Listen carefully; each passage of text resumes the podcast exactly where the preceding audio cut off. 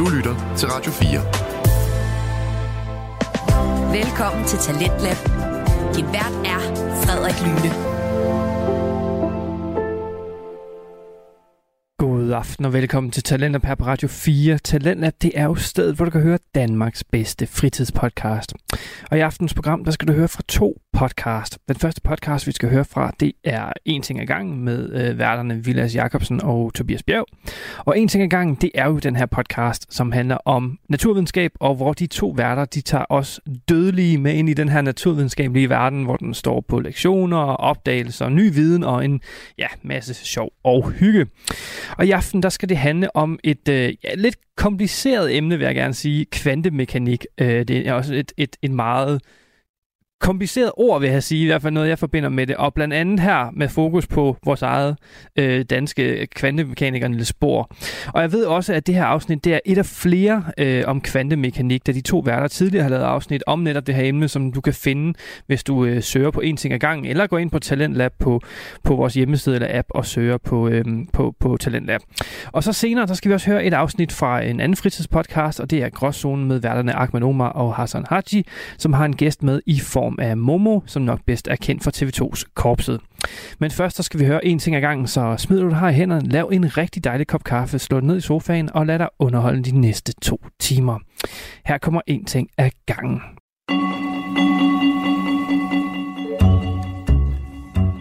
Niels Bohr er på mange måder faderen for kvantemekanikken, men denne videnskabelige revolution kom ikke uden sine opponenter.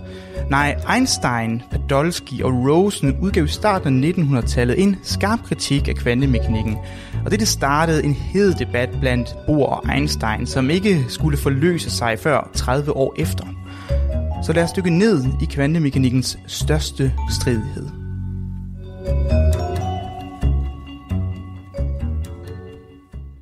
Hej Vilas. Hej. Øhm, Åh, oh, hej Tobias. nå, tak. Ja, tak. Det er vigtigt, at man skal sige sine navne, hørt. Ja, det er rigtigt, så folk ved, hvem de lytter til. Ja, præcis. Øh, grunden til, at jeg øh, siger hej, det er fordi, vi sidder her og skal optage podcast, og jeg har et stort spørgsmål til dig. Okay. Det var faktisk noget, jeg tænkte over længe. Jeg, lige siden vi startede med at lave den her podcast, har jeg tænkt over det. Vi snakker om det ret ofte. Du er ret glad for at snakke om det, men jeg bliver forvirret. Fordi nogle gange, så hedder det kvantemekanik, og nogle gange, så hedder det kvantefysik. Hvad er forskellen? Der er ikke nogen forskel. Hvad? Det er det samme. Øh, Så, Altså, k- øh, altså det er fordi, at, at du kan sige, at kvantemekanik betegner, øh, hvad hedder det, de her systemer, kvantesystemer, som kan beskrive, når vi siger mekanik, så mener vi bare ting, der bevæger sig på en eller anden måde. Så vi har en eller anden verden af bevægelige dele, og det er, der, der er nogle mekaniske koncepter, der beskriver, hvordan partikler bevæger sig osv., og systemer opfører sig. Og det kan du beskrive som en mekanik, som er kvantiseret. Øh, men Ah. kvantefysik er jo bare en, en anden kategori, der hedder alt fysik, som har med kvantemekanik at gøre, hvilket er sådan lidt... Ah, okay. Så det- det, det, det- så lidt ro- redundant, det er sådan lidt... en- Ja, ja okay. det, det, er to, det er to kasser, der indeholder hinanden. Okay, men vi skal så i hvert fald snakke om kvante something today. Præcis, ja. Vi er nået til, jeg ved ikke, om jeg holder track, men vi lavede jo nogle afsnit, der hed Kvantemekanik 101 og 102. Ja, nu tror du skal passe på allerede der, fordi jeg ved ikke rigtigt... Vi har snakket om det før, at vi måske skulle have lavet et lidt mere oplagt øh, forløb, hvor vi snakkede om, hvilken podcast, altså hvor mange podcasts vi skulle lave, der skulle handle om kvantemekanik. Mm. Og, og, og det er ikke fordi, jeg siger, at du er ustruktureret, Vilas. Jeg vil bare sige, Jeg kan lige være den største mænd efter den sætning. Men jeg synes bare, at det nogle gange godt kan komme sådan lidt i, øh, du ved... Jeg fik lige en idé, fordi jeg kunne huske, at du havde, du havde skrevet til mig, inden vi skulle optage i dag, at du havde tænkt dig op til noget andet, så jeg kommer i dag, så siger du, jeg har tænkt at lave noget om kvantemekanik i stedet for. Så, Det er fordi, det, er fordi, det synes jeg lige var fedt i dag. ja, det er det, mener. Det, er sådan, så det, det kommer lidt ud af det hele. Men øh, okay, Men, men det, det, jeg, jeg, synes, det, jeg synes, det er fint nok. Altså, der er ikke rigtig behøv, når det kommer til kvantemekanik, jeg synes ikke rigtigt, der er behov for en struktur.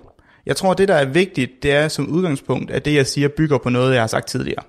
det er rigtigt. Right? Det er rigtigt. og, og alle de ting, jeg kommer til at nævne i dag, er koncepter, som der er blevet gennemgået i kvantemekanik 101 og 102. Yes, så i hvert fald, hvis du ikke har hørt dem, øh, hvis du ikke har hørt de, de afsnit før, så stop lige nu og gå tilbage og lytte til dem. Det vil, vil, jeg, du det, sige vil, det? det vil jeg anbefale, ja. men når det så er sagt, altså vi skal jo nok, altså man kan sige, vi kommer ikke til at komme så meget i dybden med ting, hvis man ikke lige har fået med, hvad det er for nogle koncepter, vi har talt om før. Men Okay. det vi kommer til, altså jeg kommer til ligesom at, at sige, okay, her skal du så sluge en kamel, acceptere, at hvis A, så B. Ja. Og, og hvis du ikke forstår, hvorfor B kommer, når jeg siger A, jamen så skal du høre tidligere afsnit. Yes. Det, Øhm. det bliver en god idé. Så hvis du er ny lytter og ikke har hørt nogen der her før, og du har tre timer, så gå tilbage og lyt de andre to, før du lytter til dem her. Hvis du kun har en time, Så er det fint. Så lyt til den her, og så find noget andet tid til at lytte til de andre senere, og du vil stadig forstå det her afsnit. Ja, ja, ja. Kanon. Ingen problem. Det er jeg vild med. Ja. Øh, og så, jeg tror også, jeg har farvet af, at på øh, Aarhus Universitet, hvor vi begge jo arbejder og studerer, eller hvad man skal mm-hmm. sige, PhD-studerende, øh, der hedder det jo på fysik, der er det jo meget simpelt, fordi der, der hedder kurserne bare nummer 1 og nummer 2 og nummer 3. Mm. Så der er eksperimentel fysik 1, og så er der eksperimentel fysik 2, og så er der eksperimentel fysik 3. Kronologisk rækkefølge. Godt lide. Det er simpelt. Det er til at forholde sig til, og det tænker jeg, det tager jeg med videre, det koncept. Så nu hedder det bare kvantemekanik 101, 102, 103. Det er som et Perfekt. kursus. Okay, ja, ja men det er rigtigt. Så velkommen til Villas' kursus i kvantemekanik. Præcis, ja. Men, men, men det skal ikke bare handle om kvantemekanik 3. Nej. Hvad er det mere specifikt, det skal handle om i dag? Jamen, det skal egentlig handle om, at efter den, den spæde tid i kvantemekanikken ligesom var overstået, og efter de første koncepter er blevet fundet, Niels Bohr havde skrevet sine banebrydende artikler omkring hydrogenatomet, og hvordan du kan beskrive det med en kvantemekanisk teori, og det havde sendt jamen, øh, altså bølger gennem hele fysiksamfundet, for det havde fuldkommen ændret den måde, vi tænker på fysik på. Det var, det var sket, men der begyndte også at komme nogle øh, problematikker. Der begyndte at være nogle, øh, hvad hedder det, nogle lidt filosofiske svære overvejelser omkring, hvad er virkeligheden egentlig? Fordi på mange måder, så kan du opsummere det kvantemekanik siger i, at jamen, når vi kigger på verden, når vi observerer ting, så er det ikke så absolut, som vi tænker det. Altså, vi, jeg kan se, der er en kop på, mi- på bordet, og der, er- der er den kop der. Og jeg har en vis forventning om, at når jeg lukker mine øjne, og du lukker dine øjne, og der er ikke nogen, der er i rummet, så er den kop så i og for sig stadigvæk på bordet. Altså, mm. den, den afhænger ikke af, at der er nogen, der observerer den. Ja. Og det er tilnærmelsesvis jo rigtigt for større ting som kopper. Men når du går ned og kigger på partikler, så, så er den, den, den, den realisme, den idé om, at verden er der, når du ikke kigger på den, den, den gælder faktisk ikke længere. Og det er det, der er så underligt. Uh, ja. Uh, er det noget, der det skal vi måske for nu så tænker når vi skal gå ind, skal vi lige starte med i det første sektion, lige at nævne lige kort, hvad det er, vi har, hvad kvantemekanik er. Det er det, jeg gør lige nu. Det, det, det, du gør lige nu. Det her, det er det, hvad kvantemekanik er. Okay, super. Så Det stopper er, jeg. at, at, at man, man kigger på noget, og ligesom jeg ser på den her kop, og jeg tror, koppen er der, når jeg lukker mine øjne. Så når det viser sig ikke at være rigtigt, når du kigger på en partikel. Hvis du kigger på en elektron, mm. som hænger, svæver i rummet, og du kigger på den og siger, der er elektronen, nu, jeg kan se den, jeg kan se den for mig. I det du lukker øjnene, så er den der elektron, der er ikke nødvendigvis mm. mere. Og det er ikke fordi, den har rykket sig, det er ikke fordi, der er nogen, der har fjernet den. Det der med, at jamen, sådan rent basalt i forhold til virkeligheden, så findes elektronen i en form for tilstand, som indeholder alle potentielle muligheder og placeringer for elektronen. Så- Så i det, at du kigger væk, så elektronen kan egentlig være alle steder. Den er ikke nogen af stederne, og den er alle stederne samtidig. Mm. Men det er først, når du kigger, at du tvinger elektronen til at være et sted. Ja. Så den er ikke i luften, før du kigger. Det, er der, det, det, det er Ja, så mindboggling. det er counterintuitive. Præcis, og det er jo det, Einstein var så meget imod. Og det er jo det, der, det er det, der, det er det der, der ligesom leder op til den her diskussion, det var, at mm. Niels Bohr sagde, hey, det er ikke sådan en ting, ja, det handler ikke om, om, om, om, koppen står på bordet, hvis vi sammenligner med en kop. Det handler om at sige, at der er en, en chance for, at koppen er et givet sted. Og det er ikke fordi, den er nogen af stederne. Det er ikke fordi, at vi siger, at jamen, der er en chance for, at den, den er et sted, og så finder vi ud af, hvor den i virkeligheden var.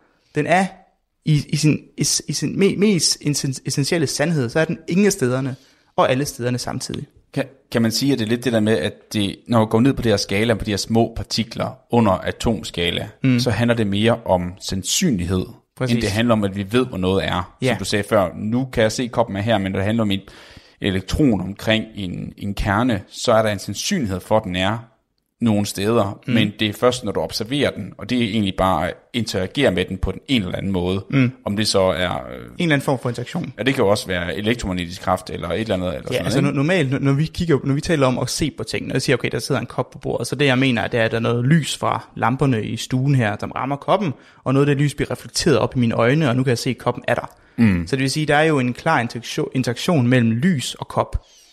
Okay? Så Ja. ja. det vil sige, at hvis du nu skal kigge på en elektron, og lad os sige, at du vil kigge på den med noget lys, Ja. ja. så kan du skyde noget lys ind på den, ligesom vi gør med lamper, og så hvis lyset det så rammer elektronen og bliver kastet tilbage og rammer mit øje, jamen, så har jeg set Ja, elektronen. så har du interageret med elektronen på en Præcis. måde. sige. Ja. Og, og hele det her lidt for, altså hvis, hvis man som lytter sådan tænker, hvad, hvad snakker om? Så, så, så er det ikke så underligt, for det var også det Einstein gjorde, og Podolsky og Rosen, som Ja. ja. var sådan, det her, jeg kan godt se, hvorfor det måske matematisk set er smart. Altså det, jeg kan godt se, hvorfor at beskrive, øh, at der er en sandsynlighed for, at koppen er et eller andet sted på bordet. Det kan godt være, at det, det giver god mening, når du så åbner øjnene og siger, når nu stod den der, og der var lav sandsynlighed for, at den står der, og så kan du gentage det her forsøg med at kigge mm. på koppen mange gange. Det kan godt være, at det, det er meget fint, det virker, mm. men koppen er jo et eller andet sted. Det, Ja. ja. det er det, de siger, de jamen det, det, det er et fint trick, men det er ikke fordi koppen ikke er der. Det er bare fordi, du ved, hvor den er.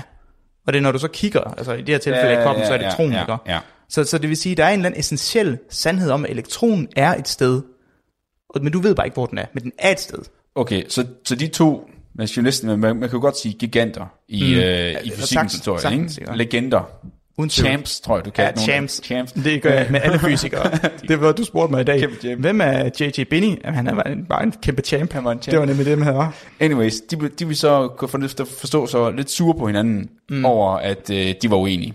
Og det er det, vi Præcis. skal snakke om i dag Yes, så. vi kommer til at starte med at tale om debatten, altså hvad der, hvad der ledte op til den her diskussion mm. mellem Einstein og Bohr, den her oprindelige artikel, og der var nogle kontroverser, den blev, den blev nærmest trykket i New York Times, før den kom ud i dens journal. Og så der var en masse der, og Wow. Bohr, Bohrs modsvar var også sådan lidt gradvist ikke så pænt. Øhm, og så prøv ligesom at forstå, hvad er oprindelsen af, af diskussionen her, og, Ja. og hvad skete der, hvad, hvad, hvad blev der sagt? Og så i andet afsnit, så kommer vi til forløsningen. Hvordan håndterede vi det her i fysikken? Det viser, det var først 30 år efter, vi fik det løst. Ja. Hvad, hvad gjorde vi helt konkret? Hvilke forsøg lavede vi? Hvordan kunne vi så bevise, at enten den ene eller den anden havde ret? Okay, Det er planen for i dag. fedt. Er du klar på det? Det er. Cool. Du lytter til En til en gang med Vilas Jacobsen og Tobias Bjerg.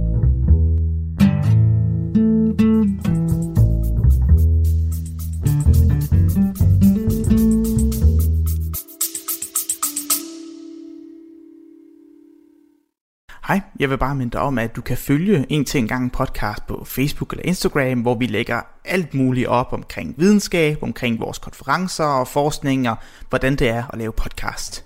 Ellers så kan du også øh, supporte os på Patreon, hvor du kan få tidlig adgang til nye afsnit, før de kommer ud til offentligheden, og få adgang til eksklusive afsnit.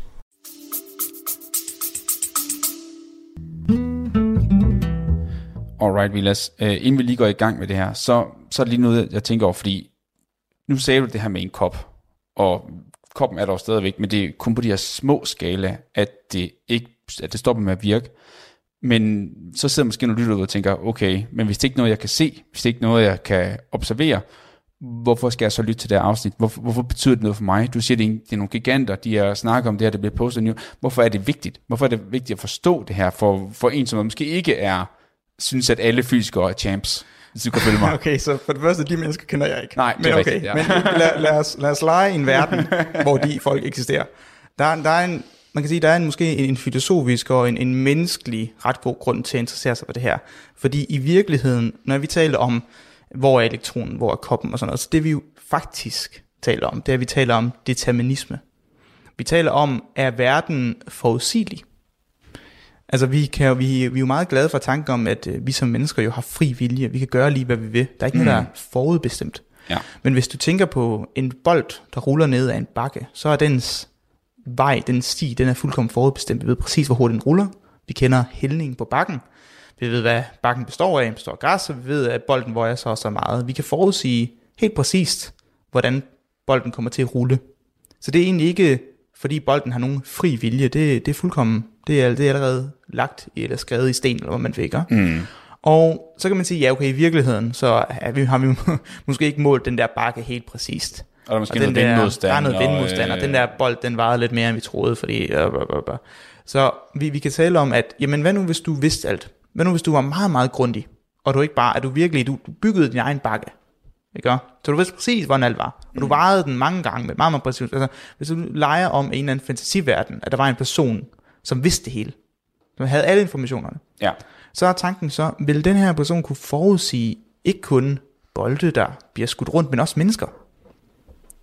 Ja, hvis Fordi- man har alle, alle Ja. faktorer, der nogensinde kunne laves, Præcis. Og det kunne være hele din opvækst, og alt, Ja. hvad der, whatever der nu er sket i egenstilet, og genetikken, epigenetikken, øh, whatever Præcis. der nu er sket, ikke? Ja. Så som sige, at øh, jamen, hvis, alt er, hvis alt er forudsigeligt, og vi består af små atomer og partikler osv., er vi så også forudsigelige. Mm. Det er en lidt, måske lidt ubehagelig tanke på en eller anden måde, ja. For man, man, så føler man lige pludselig ikke kontrol af er mit liv så forudbestemt til at gå enten godt eller helvede til, eller I don't know, eller noget imellem, som det jo nok mm. ofte er, ikke? Mm. Øhm, og og, og det, det, det, det er jo svært. Og så, så kan du tale om filosofi, og du kan tale om øh, teologi af interesse, men et, et andet perspektiv på den her samtale, det er, mm, okay, men er fysikken så egentlig deterministisk? Mm. Kan vi faktisk beskrive bolden, der ruller helt præcist? Og der vil øh, Niels Bohr sige, nej, det kan vi faktisk ikke. Fordi at, jamen, hvis du kigger på helt simpel skala, så er elektroner ikke deterministiske. Mm. Du kan ikke forudsige, hvor de er, eller hvor hurtigt de bevæger sig. I tidligere okay. afsnit talte vi om noget, der hed Heisenbergs usikkerhedsprincip, som sagde, at i et øjeblik, du begynder at måle på, hvor hurtigt en elektron bevæger sig, så gradvist så sletter du informationen i verden om, hvor den er. Så det handler ikke kun om, at du kan finde ud af det, det handler bare om, at den, den information forsvinder væk. Det er en meget underlig ting. Ja. Og i øjeblik, du begynder at sige, jamen elektronen er præcis der, så et eller andet sted, så fjerner du muligheden for at finde ud af, jamen, hvor hurtigt bevæger den sig.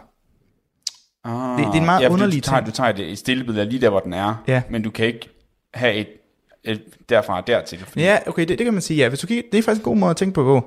Det, altså, jeg ved ikke, øh, var, var det fordi, vi kunne huske, vi snakkede om det, eller Nej. det var dig, der, der er secret genius lige nu? altså, fordi det, en, en, en analogi, og du ved, jeg har det med analogier, ja.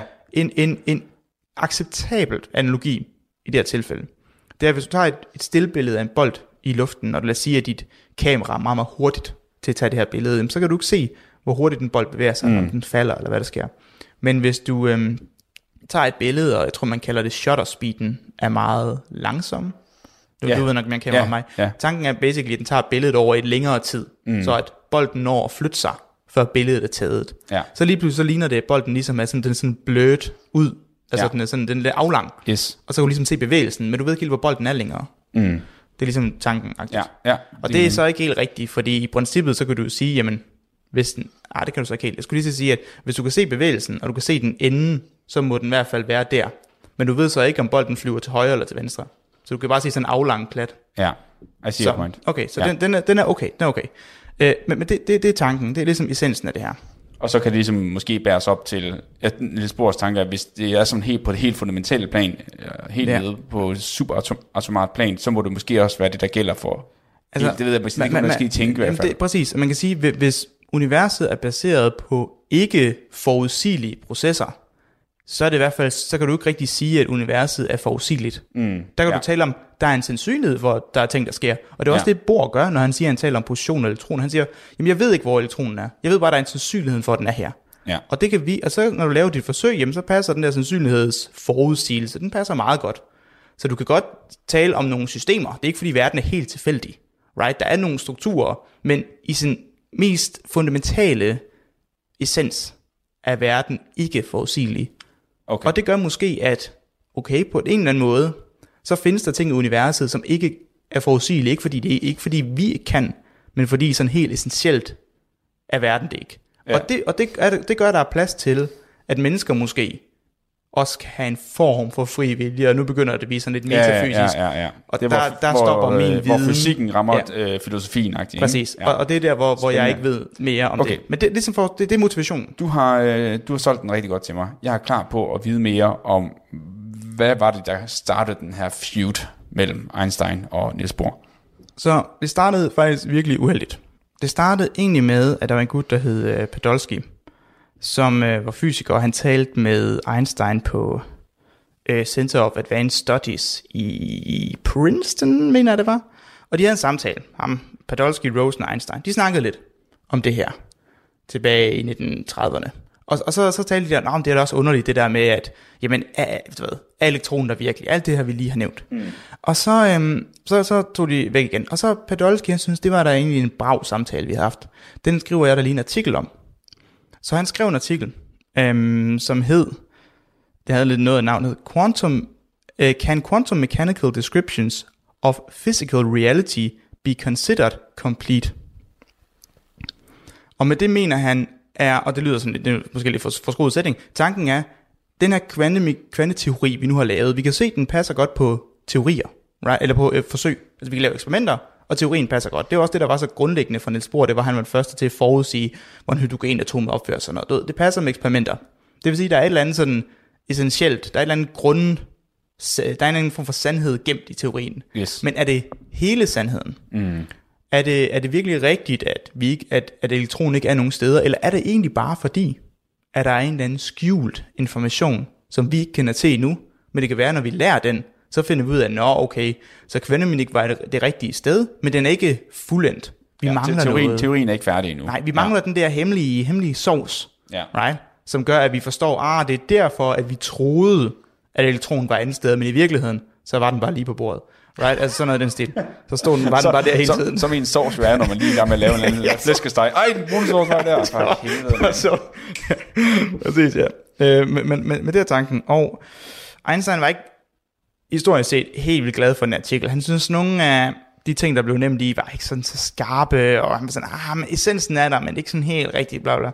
Og, og så, det, der hvor det begyndte at blive kontroversielt, det var, de udgav den her artikel, du ved, kan kvantemekaniks beskrivelser af den fysiske virkelighed, øh, kan, kan vi betragte det som værende fuldendt? Det sagde de. Og den udgiv de i en eller anden journal. Øh, jeg kan ikke huske, hvilken en. Det er like, uh, Physical Review, something, something. Det, der var kontroversielt, det var, at før den blev udgivet i den her journal, der skrev New York Times en artikel om den. Fordi de havde fået øh, snusen eller færden den her artikel. Så de skrev deres egen artikel, før den udkom, og, altså, med det- deres udtalelser. Og vi er altså i midt, midt 30'erne eller sådan 19, noget, ikke? Før, 1935, ja. før 2. verdenskrig. Og de, okay. øh, og de lavede en forside på New York Times, så du kan lige få lov til at se den her. Mm. Og se, hvad der står. Du kan lige læse højt. Einstein attacks quantum theory. Scientists and two colleagues find it's not complete, even though correct. Og complete og correct, eller sådan nogle anførselstegn.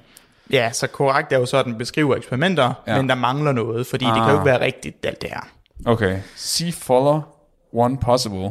Believe a whole description of the physical reality can be provided eventually. Ja.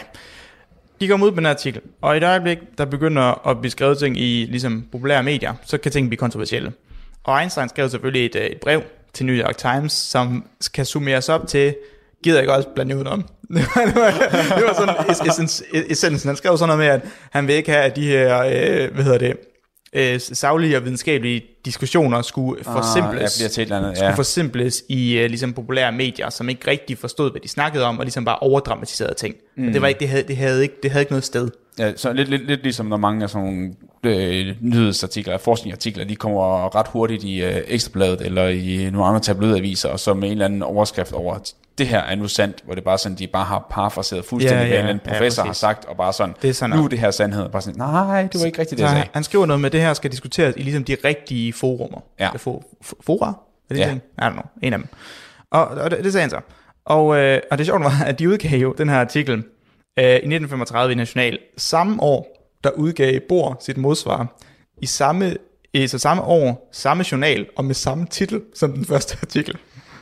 Vent, så hvad, hvad, hvad, hed den? Den første artikel Den var den der med det der, can quantum Ja. mechanical description, bla bla, be considered complete. Ja, Og så kom Så- Einstein med sin, Nej, nej, det var, det var Einsteins artikel. Det var Einsteins, Ah, okay. Podolsky og Rosen. De havde, de havde en artikel sammen. men han kunne ikke lide den alligevel, for det var Podolsky, der havde. Ja, Podolsky egentlig skrevet det meste. Einstein okay. var sådan lidt, okay, den er, den er deres- baseret på den samtale, vi havde sammen. Yes, på den måde. Han var ikke Og sådan så, helt enig i det, men tænkte, det var okay.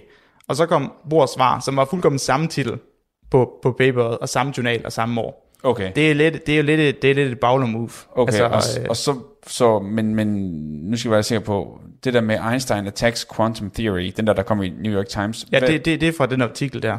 Den der for Podolsky og Rosen og Einstein. Okay, den oprindelige artikel, yes. Ja, det er fra den oprindelige artikel. Det var, bare Okay. før, det var bare før, den faktisk kom ud. Så havde New York Yes. Times allerede fundet Yes, ud af det her. yes. Og så Og- nævner man jo Einstein, for Einstein var et kæmpe navn. Det er klart. Så det kan godt være, at de andre to var med, men det var, det var Einstein. Ja, ja, ja, men den men efterfølgende er det her bare blevet refereret til som uh, EPR-paradokset, eller artiklen.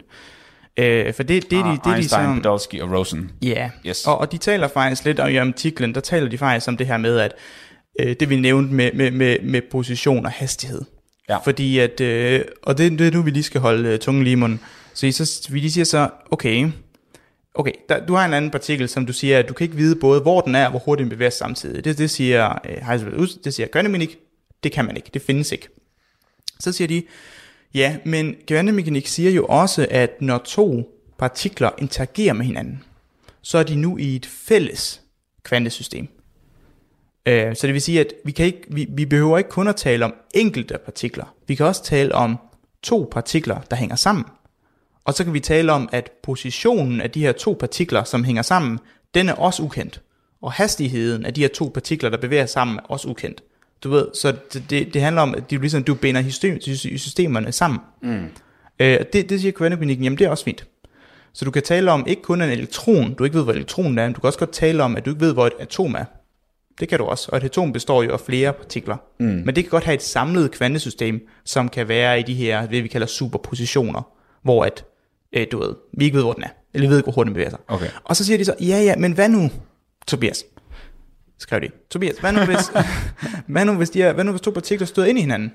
Right? Mm. Hvis to partikler støder ind i hinanden, så øhm, kan vi jo, eller, eller hvad skal man sige, øh, hvis to partikler støder, støder ind i hinanden, sam, snakker med hinanden, så afhænger de jo lige pludselig af hinandens øh, systemer, right? Altså hvis der er en bold, der rammer ind i en anden bold, så overfører den jo noget energi, mm. right? Så nu, nu bevæger den anden, du ved, skyder billiardkugler, eller andet, spiller ja. På et poolbord.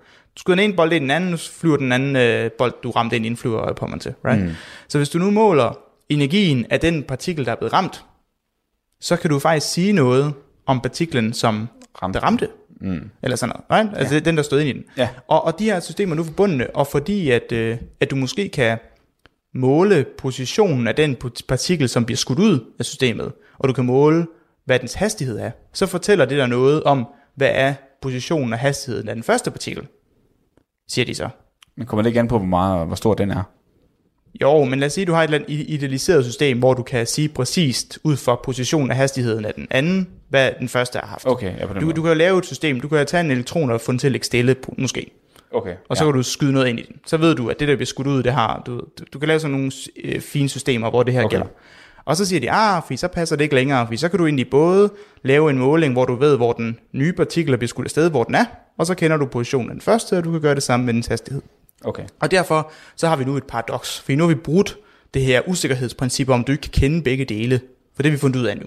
Det er ligesom det, de prøver at tegne et billede. Ja, så de kommer, de kommer med et, et hypotetisk eksempel, Ja. hvor de to interagerer med hinanden, og så mener de ud fra det matematik, der ligger bag Ja. det, at så burde det jo kunne beskrive, at man ved, hvor begge er på samme tid. Ja, præcis. Og det, og det, og det er det, vi kalder et, et tankeeksperiment. Det er sådan, Ah, Einstein yes, beskrev yes, sine yes. tankeeksperimenter. Uh, men Bohr kommer med et rimelig hurtigt svar, som også er helt korrekt. Han siger, ja, okay, nu skal jeg høre her. Så, Fed, fed start. Ja, okay. Jamen, det er sådan, jeg antager, Bohr snakker. Ja. og han, øh, men han sagde, okay, det er rigtigt nok, at hvis øh, der er en partikel, der rammer en anden, og den anden ryger ud, og du så måler på den, så kan du rigtig nok, du kan måle dens position, og det vil fortælle dig noget om positionen på den første. Og du kan også måle dens hastighed, og det vil fortælle noget om hastigheden af den første. Men du kan ikke måle begge dele, og det er jo det, der er hele pointen. Ah, Så det er fint nok, du gør det hver for sig, men det, det bryder ikke noget. Der er ikke noget, der er brudt her. Mm. Fordi vi siger bare, at du kan ikke gøre begge dele, og det er rigtigt, det kan du ikke. Og hvis du ja. laver en, en måling med en partikel og måler position, og en måling med en ny partikel og måler hastigheden, så er det to forskellige systemer. Og selvom du har prøvet at gøre det samme, så du ved ikke nødvendigvis noget om det første. Mm. Og så sagde Einstein også, ja, men det var heller ikke, det er også rigtigt nok. Fordi det var ikke, det var ikke engang det, jeg ville sige med det. og okay, prøv lige. At når, nu siger du, nu siger de, skriver de frem og tilbage til hinanden nu? Eller der sidder Ja, de på ja, over en ja. kop kaffe eller et eller andet? Ja, nej, nej, nej, de, de skriver. Fordi på det her tidspunkt, der er Einstein i øh, Princeton, så vidt jeg husker. Og Okay. øh, Niels Bohr var mere eller mindre hele sin tid i København. Mm. Øhm, så det her, det er ligesom ud, ting, der bliver skrevet. Okay, og nu, nu er de ligesom kommet væk fra den, øh, den New York, New York Times, Times, og, ja, ja. Og, og, har den ligesom øh, privat på Gud for, at de sender nogle øh, breve til hinanden eller sådan noget. WhatsApp, et eller andet. Ja, du ved. De her Gen Z's out there, WhatsApp for old people. Ja, præcis. Ja. Ikke brevet. ja. øhm, men ja, men de begynder at skrive det her. Og, og, så, øhm, og så siger Einstein, men det var faktisk ikke det, der var pointen. Pointen var faktisk, at når vi, når vi har de her to partikler, der støder ind i hinanden, right, de, de er koblet på en eller anden måde. Det er bare, vi siger, de, de er koblet. Den ene, informationen af den ene afhænger nu af informationen af den anden. Right? Altså hvis du måler hastigheden den ene, så kender du hastigheden den anden. De, Ja. de ligesom hænger sammen. Mm. Så siger han, hvad nu, hvis de her to systemer bevæger sig meget væk fra hinanden, langt væk fra hinanden, og du ikke har målt på dem endnu. Right? Du lader elektronen, der, der støder sammen, du lader den flyve langt, langt, langt, langt væk. Altså kilometer væk. Og så måler du på den. Så er du nu så langt væk fra den første partikel, at øh, hvis du nu står ved den første partikel, right, så du, du står med den, den ene partikel, og jeg står med den anden partikel, som har reageret med hinanden på en eller anden måde, og jeg er 20 km væk fra dig. Og der, på, ingen af os, på nuværende tidspunkt, så er der ingen af os, der ved, hvad er hastigheden, eller hvad er, eller, eller, eller, hvad, hvad, hvad, hvad, hvad, hvad er det, den her information, vi leder efter. Der er ingen af os, der ved, hvad den er. Men vi ved, de er koblet. Så siger Einstein, og hvis kvantemekanik nu har ret, så siger den, at der er en eller anden sandsynlighed for, at elektronen har en eller anden hastighed. Right? Det handler ikke om, at den har en hastighed, det handler om, at den har en sandsynlighed for mm. en hastighed. Men hvis jeg nu er 10 km væk, og jeg måler kl. 12, hvad hastigheden af min partikel er, og du måler kl. 12.01, i hvert fald altså meget, meget, meget, meget kort tid efter, mm. hvad hastigheden af din partikel er, så har vi jo en, en underlig situation, fordi at hvis jeg måler positionen på min, så kollapser jeg ligesom det her kvantesystem. Du ved, så kigger jeg, hvor står koppen. Ja, og, og de, her, de, er jo, de, her, de her to er i samme system, fordi de har Ja, de har interageret, med interageret hinanden. med hinanden. Yes. Vi kalder det, og, og det vil så sige, at jamen, så siger Einstein, men så er der noget galt her, ikke? Fordi hvis vi måler lige efter hinanden, så det jeg måler, kommer jo til at påvirke, hvad du måler. Mm. Fordi de er koblet. Så hvis jeg måler, at den har en eller anden hastighed, så betyder det, at dit, din partikel, dens kvantetilstand, den nu også ændrer sig sådan, Ja. så at Nu er, det ikke længere passer. en, nu er det ikke længere en sandsynlighed, nu er det ligesom bestemt, Præcis. fordi du ligesom har og, og, set og, og, observeret for, den ja, igen. og fordi jeg er så langt væk fra dig, så er der ingen måde, at de her to systemer kan snakke med hinanden på. Fordi at, lad, lad os sige, at jeg er så langt væk, at den her information skal rejse fra min partikel, som jeg måler, til din partikel, så skal den rejse med hurtigere end lysets hastighed, for at kunne nå det. Ja, hvis du måler så kort tid efter hinanden. Ja. Ja. Så lad, lad, lad os sige, at jeg er på månen og måler. Mm. Og jeg måler kl. 12, og du måler 1 sekund over 12. Ja, det tager måske 10 sekunder for lyset og for månen at komme ned til jorden. Ja, præcis. Et eller andet, et eller andet, et, eller andet der tager mm. længere tid det. Så, har, så har der, sker der noget underligt. Så siger Einstein, ja, men det her giver kun mening, hvis nu, at i virkeligheden, så, vidste vi, så, så havde ele- elektronen faktisk en, en, en, øh, en, en hastighed i forvejen. Og det, er kun, og det er ikke fordi, at nu du måler den, så kollapser den ikke til noget. Det er ikke nogen sandsynlighed. Den har en rigtig hastighed. Mm. En sand hastighed. Og derfor så er det helt fint, at vi er mange kilometer fra hinanden. Fordi din, din partikel har allerede informationen. Den ved allerede, hvad den sande hastighed er. Så det er fordi, der, så der er ikke nogen mystik. Der er ikke noget med, at jamen, der er en chance for, at den er for et, et eller andet sted. Den, er, mm. den har en hastighed. Mm. Og den, den kender du bare ikke. Okay. Du kan godt se, at det er de her to forskellige Ja, idéer, ja, ja. så enten siger du, at elektronen, jamen den har, den er, den er ikke, den har ikke nogen hastighed, men det er først, når du kigger, at hastigheden bliver bestemt. Ja. Og så bliver der sendt en eller anden information over til din partikel, og så bliver det bestemt. Ellers mm. så siger du, at partiklen har en hastighed, du kender den bare ikke. Så, det, så det, er lidt, det er lidt ligesom nu, og det kan man så tænke tilbage til en af de to, vi snakkede om i det tidligere kvantemekanik, hvor vi snakker om Schrödingers kat. Mm-hmm. Altså jeg tænker, det er lidt det samme af, at den ene vil så sige, at katten, som i det her øh, er enten død eller levende nede i den her Kasse, ja. kasse ja. Einstein vil sige, at den er, den er en af delene allerede. Du ved det bare ikke, fordi du ikke har åbnet kassen og kigget. Yes. Men spor vil sige, lige nu kan den både være levende og død, men du, det bliver først bestemt, hvad der sker, når du åbner kassen. Det er korrekt. Ja. Og det var også det er faktisk meget fint opsummeret, for det var hele pointen med Schrödingers kat. Det var at egentlig Ah. også at sætte i tanke, hvor, hvor åndssvagt det her er. Ja, det lyder helt absurd, Præcis. når man siger det på den så, måde. så, så tanken med, med Schrödingers kat er egentlig at demonstrere, hvor fjollet kvantemekanik er. Ja. det, kan, det, det giver jo ikke mening. Selvfølgelig er katten enten død eller levende. ja. Nej, det er det, der er det gør ikke nogen forskel, om du åbner eller... Øh, Nej, yes. yes. præcis. Det, det var det, der var tanken der, ikke? Øhm, og så det viser sig så at være løst med, at kvantesystemer godt kan bryde sammen på større skala. Så derfor er det kun giver mening at tale om på partikelskala. Mm, så, okay. det, så det viser sig, at der var, at det blev sådan forløst. Så Var det, noget, var det noget, der blev forløst i deres tid, eller noget Ja, som... ja, ja, ja. Nej, nej, Okay, ikke okay. lang tid efter. Okay. Men, men nu, øhm, forhåbentlig, jeg ved godt, det er lidt kompliceret det her, forhåbentlig har vi fået en idé om, hvad er problemet her, og hvad er det, der bliver diskuteret. Der bliver egentlig diskuteret, er der en eller anden information, som partiklerne indeholder, som der egentlig er fast besluttet, men vi bare ikke kender? Eller er informationen ikke tilgængelig, den eksisterer ikke, før du måler eller kigger Ja. på din elektron? Yes. Det er de to spørgsmål, vi står med. Og det, vi skal tale om i næste sektion, det er at prøve at forstå, jamen, hvordan bliver det her så forløst? Fordi, mm. hvordan kan du egentlig nogensinde, hvordan kan du nogensinde teste, om der er en skjult information, du ikke kender, fordi den er jo skjult. Ja, det sad, jeg sad faktisk tænkt nok det samme. For Præcis. Det, det, det er sådan, hvordan, hvordan, og det viser sig, at det kan man. Fordi okay. øh, i hvert fald, hvis du hedder Bell, øh, Og er en champ. Og er en fucking champ, og fra Irland, så kan det nemlig Okay. godt løse sig, og det er det He's næste, from vi skal Ireland. snakke om. Oh, alright. Lad os gøre det.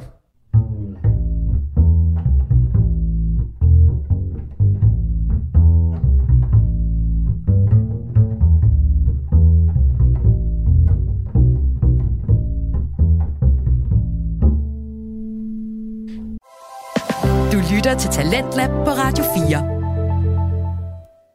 Vi er i gang med første time til Talent på Radio 4, og vi er lige nu i gang med at høre den naturvidenskabelige samtale podcast En ting ad gang med Vilas Jacobsen og Tobias Bjerg, som taler om kvantemekanik. Og vi skal nu høre lidt om, hvordan man kan teste for noget, som egentlig er skjult. Lad os vende tilbage til podcasten. Her kommer en ting ad gangen. Mm, jeg tænkte, skal jeg lige prøve at se, om jeg kan lige lave en kort et minuts opsummering af det, der skete, for nu bliver der snakket rigtig mange ting. Ja, please du. Så, så der er tre, tre dudes, tre legends, Einstein, Podolsky og Rosen, der havde en øh, fed samtale tilbage i start 30'erne, Mm. og øh, en af dem valgte så at ud, øh, skrive en artikel ned, mm. Baseret på det, der er. Og øh, det er noget, der siger lidt, at øh, det der kvantemekanik, det er rimelig åndssvagt, Yes. basically. Og det starter ligesom en feud, hvor Bohr ligesom begynder at skrive tilbage og sige, skrive nøjagtigt den samme titel, som de skrev, og sige, og så skrive et modsvar til hele den artikel, basically. Og det bliver så Ja, ja. opsnappet af de store medier, og så bliver det sådan lidt, okay, guys, lad os tage det ud af medierne, lad os tage den privat. Også, Ja, altså, ja, altså jeg vil sige, det har aldrig været, jeg tror aldrig, det har været meningen at, fra Einsteins side, at det skulle i medierne til nej, start. nej, det tror jeg heller ikke, det var det, jeg mener, bare sådan, at, at nu kom det her, men så lad os ja. være, være sikre nu, at det ikke Ja. kommer forskelligt. Lad os nu lige holde Yes, det her. Så, så, yes. så, men det var ligesom en måde, som hele verden fik at vide, at der er en feud, kan Ja. man sige. Ikke? Præcis. Og så tænkte okay, nu, nu tager vi det lige privat, og så skriver de breve frem til hinanden, hvor de ligesom diskuterer deres. Jeg kan faktisk godt lide den der idé med, at man sidder og skriver til hinanden, i stedet for sådan en enkelt kommentarfelt på Facebook, hvor man bare øh, skriver alt muligt. om. Men sådan, her har jeg et tankeeksperiment. Jeg, får, jeg fornemmer mig, at de har haft en kanon lange breve til hinanden. Ja, det, det er sådan små bøger, de har Ja, udgivet. ja, til hinanden. som bliver sendt til hinanden, og så skal de sidde og læse den og sådan. Formodentlig. Ja. Altså, jeg vil, jeg vil så sige, i, virkeligheden, det der sker jo også i virkeligheden, når folk skriver modsvar til folks artikler, det er sgu ikke altid, folk skriver så pænt. Altså, i dags dato, jeg har læst nogle artikler, hvor folk skriver sådan lidt, altså, jeg tænker, okay, det var da ikke så pænt skrevet. Ja, ja, det, det er nok, man nok også siddet lidt, man har måske været lidt helt i Facebook, men man, at ligesom, man kan ikke bare skrive noget, man at komme nogle argumenter. Man kan ikke Ja, bare, det er nogle rigtigt. gange skriver folk også Det bare, rigtigt. fuck du er en nar, fordi et eller andet, og så bare sådan, mm. det er jo ikke et argument, du skriver, du Nej, kan bare nej, ikke det, det er bare vrede på tastatur. Præcis. sige. Der må ligesom være nogle argumenter. Så de argumenterer om, hvorvidt de mener, at den her idé om, at en partikel eller en elektron har en, hvad kan man sige, en bestemt værdi, om den har den altid, den har en sand værdi, mm. lige meget, vi ved bare ikke, om den er der, øh, før vi har kigget på den. Øh, det er ligesom Einsteins idé, om den har en sand værdi. Ja, den, den, ligesom- den, den, den har en position. Ja, den har en position. Elektronen eller er en, der. Eller, en, eller et eller andet, ja præcis. Men, men grund til, at vi ikke ved den, er, fordi vi ikke har kigget på den nu. Og så når vi kigger på den, så ser vi den sande værdi, som den havde, før vi kiggede på den. Ja. Men så Bohr ligesom sagde, at øh, den har faktisk ikke en bestemt position. Der er en sandsynlighed for, at den har en position, men det er først, når vi observerer den, at den bestemmer sig for, at den skal være et bestemt sted. Ja. Øh, og så at man heller ikke kan måle to forskellige ting, og så var der noget med sammenkobling, jeg kan ikke gå ind i det hele, men i hvert fald så diskuterede lidt frem og tilbage, lavede mm. tankeeksperimenter frem og tilbage til hinanden, men der er ligesom ikke rigtig noget i de her tankeeksperimenter, der ligesom forklarer, hvem har ret. Præcis. Og så nævnte du, at nu skulle vi så til at sige, hvad var det, der ligesom fuldendt, hvad, hvad, hvad, hvad fik, fik dem frem til det rigtige svar? Så folk begyndte i starten at tale, så Einstein, i Einsteins første artikel, der talte de om det her med position og hastighed. Det begynder man at gå lidt væk fra, mm. og fordi det, det komplicerer samtalen mere end nødvendigt. Så man begynder at tale om, okay, vi ved, at når fotoner eller lys bevæger sig igennem rummet, et eller andet rum, dit rum, din stue, køkken, mm. whatever, og de, det her lys har til, tilpas nok energi, så kan lyset faktisk øh, henfalde eller bryde op og danne to partikler. Og så længe at partiklerne er en, et, en partikel og dens antipartikel, så er, det, så er det egentlig okay. Så siger alle fysiklovene, that's a okay, alt er bevaret. Og vi har talt lidt om antistof før. Ja, jeg skulle lige til at sige, nu, nu, nu det er sådan lidt casual, lige nævner. Når så længe den er partikel og antipartikel, så er det okay, videre. Der er nogle kameler, der skal sluges. ja, det er der. Tobias. Og, og, men, men pointen er her, at hvi- hvis vi nu siger, okay, må du godt lave lys om til partikler, mm. øh, er, det, er det i orden? Kan du lave lys om til en elektron? Er det, må man det, eller hvad? Kan, kan, kan, kan gør, gør verden det? Så viser det sig, ja det må du godt, men vi har så observeret i naturen, at det, det sker kun når, i nogle tilfælde, det sker kun når nogle særlige krav er opfyldte. Altså, at en foton, altså en, en, en lys skal blive omdannet til en partikel. Ja, ja. Det sker kun, når der er nogle, nogle visse ting, der skal være bevaret eller opfyldte. Og i det her tilfælde, så viser det sig, ja, du kan godt få et, en foton til at lave om til en elektron, men det kræver, at der også bliver lavet en positron, Yes. som er en anti-elektron. Ja, Fordi, og- så du kan ikke bare lave en foton til en elektron, eller det kan vi se, det sker ikke. Og jeg så tror vi, måske vi, godt, jeg kan huske, hvad en, hvad en positron er. Ja, Fordi, så vidt jeg kan huske, så det er jo en antipartikel, elektronens ja. antipartikel. Og det vil Ja. ja. sige, alle de egenskaber, som man normalt tilgiver en, eller man giver til en elektron, så for eksempel den negative øh, ladning, Ja. dens spin, dens... ja, ja, ja. Vi, vi, kommer, sager. til at tale om spændende, så det er helt vildt godt. Perfekt. Øh, den er ligesom modsat Mm, af det. Og så tror jeg vist, og det er nok ikke det, vi snakker om nu, man er så i tvivl om, man også, og den så også har negativ masse, for det er jo vist en af de ting, som man ikke... Så den har ikke negativ masse. Nej, men, men, Men, alle de andre øh, ting var det rigtigt. modsatrettet Man, man var i tvivl om indtil for nyligt, om antipartikler de øh, bevægede sig, eller de, de, de, de bevægede sig i tyngdefeltet på samme mm. måde som vi gør. Altså vi bliver jo trukket nedad, right? Så spørgsmålet er, okay, hvis vi interagerer med tyngdekraften og bliver skubbet nedad, vil antipartikler så egentlig blive skubbet opad? Ja. Det viste sig, at det ikke var tilfældet. Det blev udgivet her for et par uger siden af Jeffrey Hanks, øh, Aarhus Universitets fysiker, Sindssygt. arbejder på CERN og er leder af Antimatter Factory på CERN.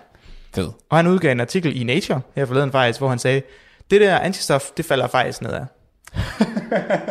så det var jo meget fedt. Sådan. Det var meget han cool. også. Fedt. Ja. Okay, anyways. Det er i hvert fald sådan en, en, en anti-elektron Ja. på alle sine, mange af sine uh, aspekter. Ja. Ja. Og, øh, og så det vil sige, at når, når øh, vi, vi taler om, at i, vi taler altid i fysikken om, at der er nogle ting, der skal være bevaret. Det er altså nogle ting, der skal være sande, før og efter et eller andet sker. Mm. Det er sådan noget, vi taler meget om. Vi kan tale om, at øh, noget simpelt kan være energien. Nogle gange skal energien være bevaret. Hvis du skyder med en bold ind på en anden bold, så siger vi, ja, men okay, den energi, bolden kommer med, den, den forsvinder ikke. Den ryger et eller andet sted hen. Mm. Så kan det godt være, at den bliver overført til den anden bold, eller sådan noget. Eller den, eller den, den varmer bordet op, når den ruller langs bordet. Men, men energien, det er ikke fordi, den bliver slettet for universet. Nej, nej, den, den bliver lavet om til noget andet. Så energien skal være bevaret. Det må ikke forsvinde. Mm. Og sådan er det også med en masse andre ting. Blandt andet spin, som var den her underlige kvante-ting, som vi talte om. Så man, og man, i- lige nu her skal man bare tænke på, vi kommer ikke til at tale meget om spin, men det man bare skal tale, tænke på, det er, at det er endnu en ting, der skal være bevaret. Ligesom at vi taler om, at ladningen på partikler skal være bevaret. Mm. Så hvis der kommer nogle partikler ind, der har negativ ladning, jamen så er der også nogen, der skal komme ud igen med en tilsvarende negativ ladning, eller sådan noget den stil. Ja, så hvis tre positive og tre negative kommer ud, så skal der også være tre positive og tre negative efterfølgende. Ja, så Eller i, i i, det her tilfælde skal de så summere til 0. Ja, de skal stadig give 0. Ja, for, ja, ja, ja. så På den præcis. Og hvis yes. der går ja, to negative ind, skal der to negative ud. Præcis. Det er noget, der skal være. Det er ja. Noget, der er bevaret. Og det samme med spindet. Spindet, som man, man kan tænke det som, og det er forkert, så jeg hader at sige det, mm. men du kan tænke det som, at øh, elektronen drejer rundt. Ja. Det gør den overhovedet ikke. Og det er Nej. vigtigt at huske, at den ikke gør For det. det er jo ikke rigtig en bold. Nej, øh, det, det er meget vigtigt at sige, at elektronen ikke drejer rundt. Nej. Men vi kan lade som om den gør. Ja. Og så viser det så, at elektroner opfører sig nogle gange som bolde, der drejer rundt. Ja. Selvom de overhovedet og, ikke er det. Og det er nok derfor, den har fået navnet spin, kunne man Det forestille er lidt sig. derfor, ja. Ja. Øh, men, og, øh, og det er endnu en ting, der skal være bevaret. Så det vi nogle gange kan sige, det er, at ja, men, øh, det viser sig så, at fotoner de har spin lige med 0. Mm. Så når en foton bryder op i en elektron og en øh, antielektron, så gør det ikke noget, at øh, elektronen har en eller anden spin en halv eller sådan noget. Mm. Og den anden skal så bare have spin minus en halv, så Ja. det summerer til 0. Så er det egentlig okay. Men allerede der, så kan vi jo sige noget om, at okay, når vi taler om spin, så mener vi faktisk altid spin i forhold til en eller anden retning. Så det vil sige, at vi plejer ikke at tale om spin halv, vi, det gør vi så nogle gange, men vi taler mest om spin op eller spin ned. Mm. Så det viser sig, at spin, det er en af de her ting, som er ret, retningsbestemt, ligesom i rummet. Vi kan ja. Sige, der er op og ned. Og øh, det, der så kan ske, det er, at når en, når en, en foton bryder op, og en elektron bliver sendt til højre, antielektron bliver sendt til venstre, så, øh, så hvis du måler, hvad er spindet på den her over til højre, i forhold til, lad os sige, loftet. Så nu måler du bare opad. Ja. Og så, så måler du, og så siger du, hov, elektronen den peger med sit spin opad. Ja. Så ved du nu, at der er en øh, meget god chance for, at den anden partikel, antielektronen, den nu peger nedad. Yes. Og nu siger du meget god sandsynlighed. Ja, det er fordi, det er lidt mere kompliceret end det. Okay. Øh, det er egentlig fordi, at det er rigtig nok spin er bevaret i forhold til en eller anden retning. Problemet er bare, at du ikke ved, hvad det er for en retning, den er bevaret i. Så det kan være, at øh, det kan være, ja, det, det, det er derfor, det bliver lidt svært. Så det er egentlig, ja, så det er derfor, det var, det var nemmere det, jeg sagde før. Jamen det er svært, men det er spændende. Oh, ja, det er derfor, jeg altid ødelægger den her podcast nogle Nej, gange. nej, nej, du ødelægger ikke podcast. Ødelægger ikke podcast. Problemet er, at det går den går bare bedre, fordi jeg forhåbentlig så sidder, altså alle lytterne sidder også og tænker sådan, "Hvad- mener du med det? Og, og der er du jo så hurtig til lige at fange mig, og så må jeg bare lige sige, det når vi ikke snakker om. det bliver Economy Week 104. 1-0. Taler vi om det. Men, men jeg tror, man kan gøre, det, det, det, det, det hele, det, det, det store hele, du skal tage med for den her, mm. det er for, at øh, jamen, hvis du måler spindet til at pege i en retning mm. for den ene partikel, så skal det være modsat for den anden partikel. Okay. Så meget kan man godt sige, uden at have sagt noget forkert. Yes. Og det vil sige, at de her er koblet. Det vil det, ligesom de talte om før, to systemer, ja. der afhænger af hinanden. Og der vil kvantemekanikken sige, ja, vi er med på, at det her ting skal være bevaret, det skal summere til 0, men vi ved ikke endnu, hvilken retning spændet peger. Og det er først, når du måler, hvad spændet peger, at du ligesom tvinger det her system til at bestemme sig. Og så er vi nu i præcis den samme situation, som vi var før. Hvor før der talte vi om, at vi, der skulle vi sige, at når vi har målt positionen af den ene, så kender mm. vi positionen af den anden. Men nu taler vi om, at hvis du har målt spindet af den ene, Ja. så beslutter den anden partikel sig for, hvilket spin det har. Så der er en eller anden form for kommunikation. Ah, og det, hedder, det her det ja. hedder quantum entanglement. Ah, det tror jeg godt, jeg har hørt om før. Så hvad lige for med, så vil sige, at du har nu skudt en foton ind, og så har du omdannet, er vi stadig i gang i det forsøg? Ja, ja. ja, ja. Og så skal den, for at ligesom, det kan omdannes til en elektron og en antielektron, så skal den ligesom, de skal ligesom have den samme nulspin, som fotonen havde. Ja, Og når så du observerer den ene, lad os sige det elektroner, den så spinner opad, så ved Ja. du, så må den anden spinde nedad. ja.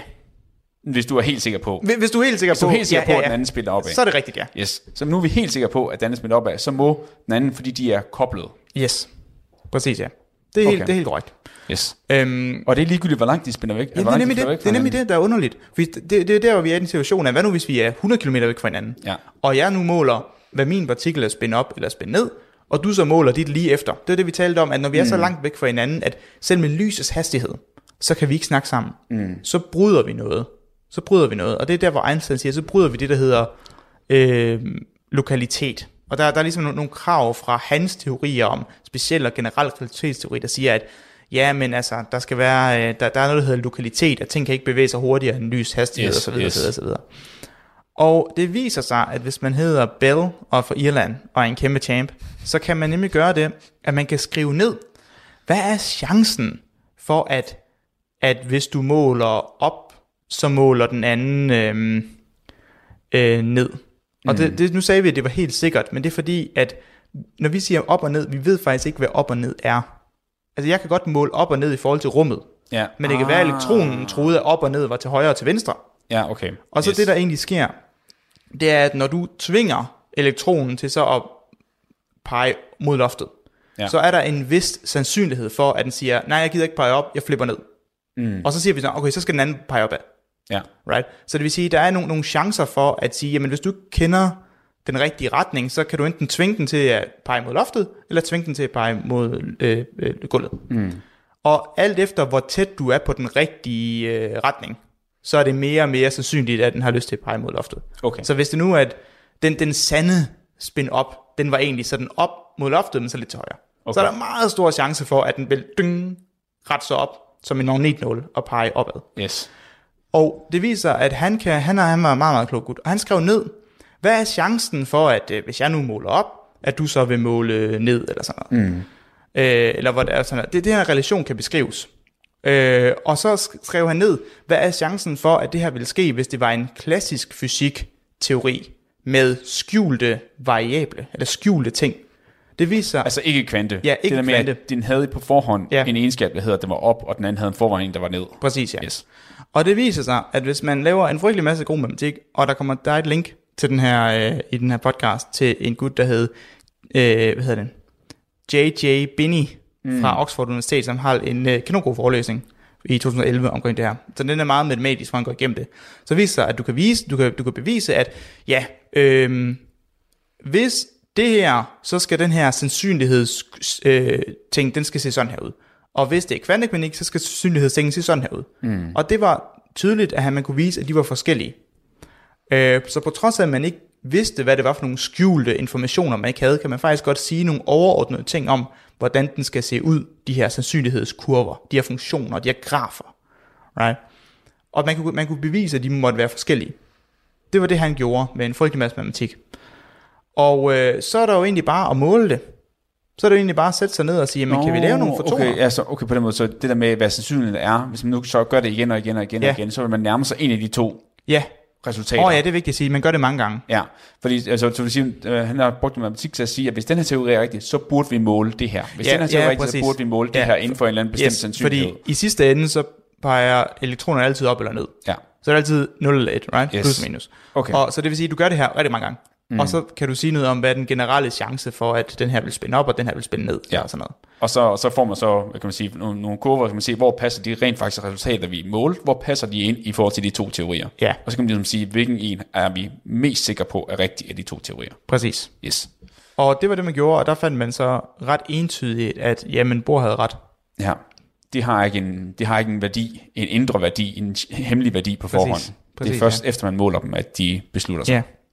Og det er det, der er så crazy. Og, og så kan de vende sig mm, hurtigere end lysets hastighed. Eller sådan. Så der, der, hvor vi så siger, hvad fanden sker der her? Ja. For nu har vi fundet ud af, at kvante, kvanteteorien beskriver det rigtigt, og den klassiske Einstein-teori, som har nogle skjulte ting, vi ikke ved noget om, mm. den kan man så vise, og det er så crazy, man kan det, men du kan vise matematisk, at det, det ikke passer ikke. Det kan ikke være det. Mm. Så man siger, jamen hvad fanden foregår der så? Hvorfor er det, at sender vi ting hurtigere end lyset? Øh, ja, og øh, mest nej.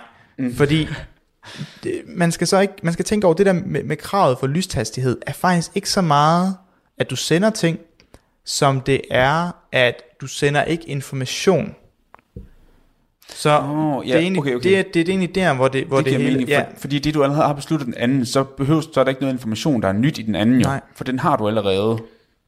ja, det ved du allerede her, kan fordi det er ikke- det modsatte et andet Præcis, sted. Så du kan ikke lave et system, hvor du snakker sammen. Så vi, jeg kan ikke stå Mm. på månen, og så sende dig en besked med det her system. Lad, lad os sige, at jeg gav dig øh, 20 elektroner, og jeg tog 20 antielektroner, og de her var alle sammen bundet sammen i parvis. Mm. Så kan jeg ikke gøre noget ved min elektron. Det kan godt være, at jeg måler den, og det kommer til at ændre, hvordan din kommer til at måle. Men jeg kan aldrig sende noget information.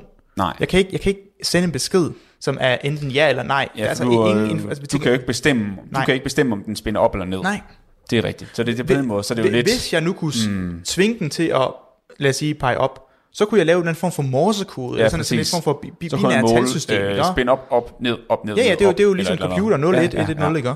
Øhm, og og det, det, det, det er så tilfældet, det kan du ikke. Så ah. det er det, der lidt sådan redder det i sidste ende, at vi har kvantesystemer, der kan være meget store, så vi har en, det, vi kalder bølgefunktioner, eller sådan Mm. sandsynlighedsfordelinger for, om det hele er spændt op eller spændt ned, som kan være over mange afstande, men du kan ikke sende noget information hurtigere end lyshastighed. Okay. Så, ja, fordi jeg tror nemlig, jeg har hørt, jeg ved ikke, det kan godt være med Martin, jeg synes, jeg har hørt nogle sådan, du ved, science fiction ting og sådan noget. And then mm. we traveled using quantum entanglement. Ah, eller, eller, jamen, det ikke? eller vi, det. vi, vi sendte lidt information, fordi der netop, der er den der, te- teorien siger, eller sådan, når man hører det, så siger det, det vil sige, at også selvom det er længere end lyshastighed, eller meget længere væk, det kan, så mm.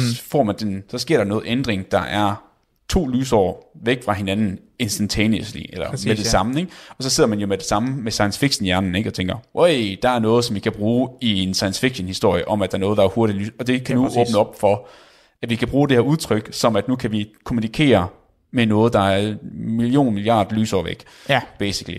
Øh, også selvom det ikke passer, men det, det, det, det, er ligesom, det åbner den lille, lille, lille bitte dør, som mm. der kan lyde, som om det giver mening. Præcis, ja. Men så er der det med, at der ikke er noget information, der bliver sendt overhovedet.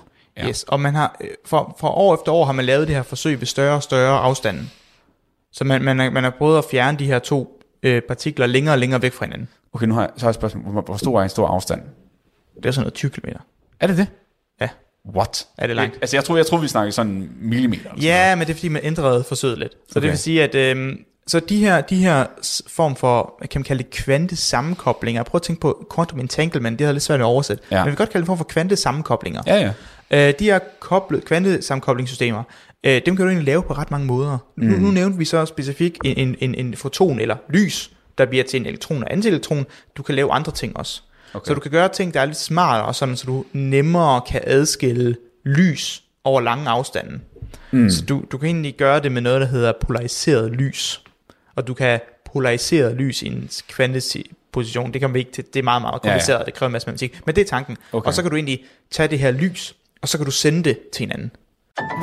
Du lytter til Radio 4.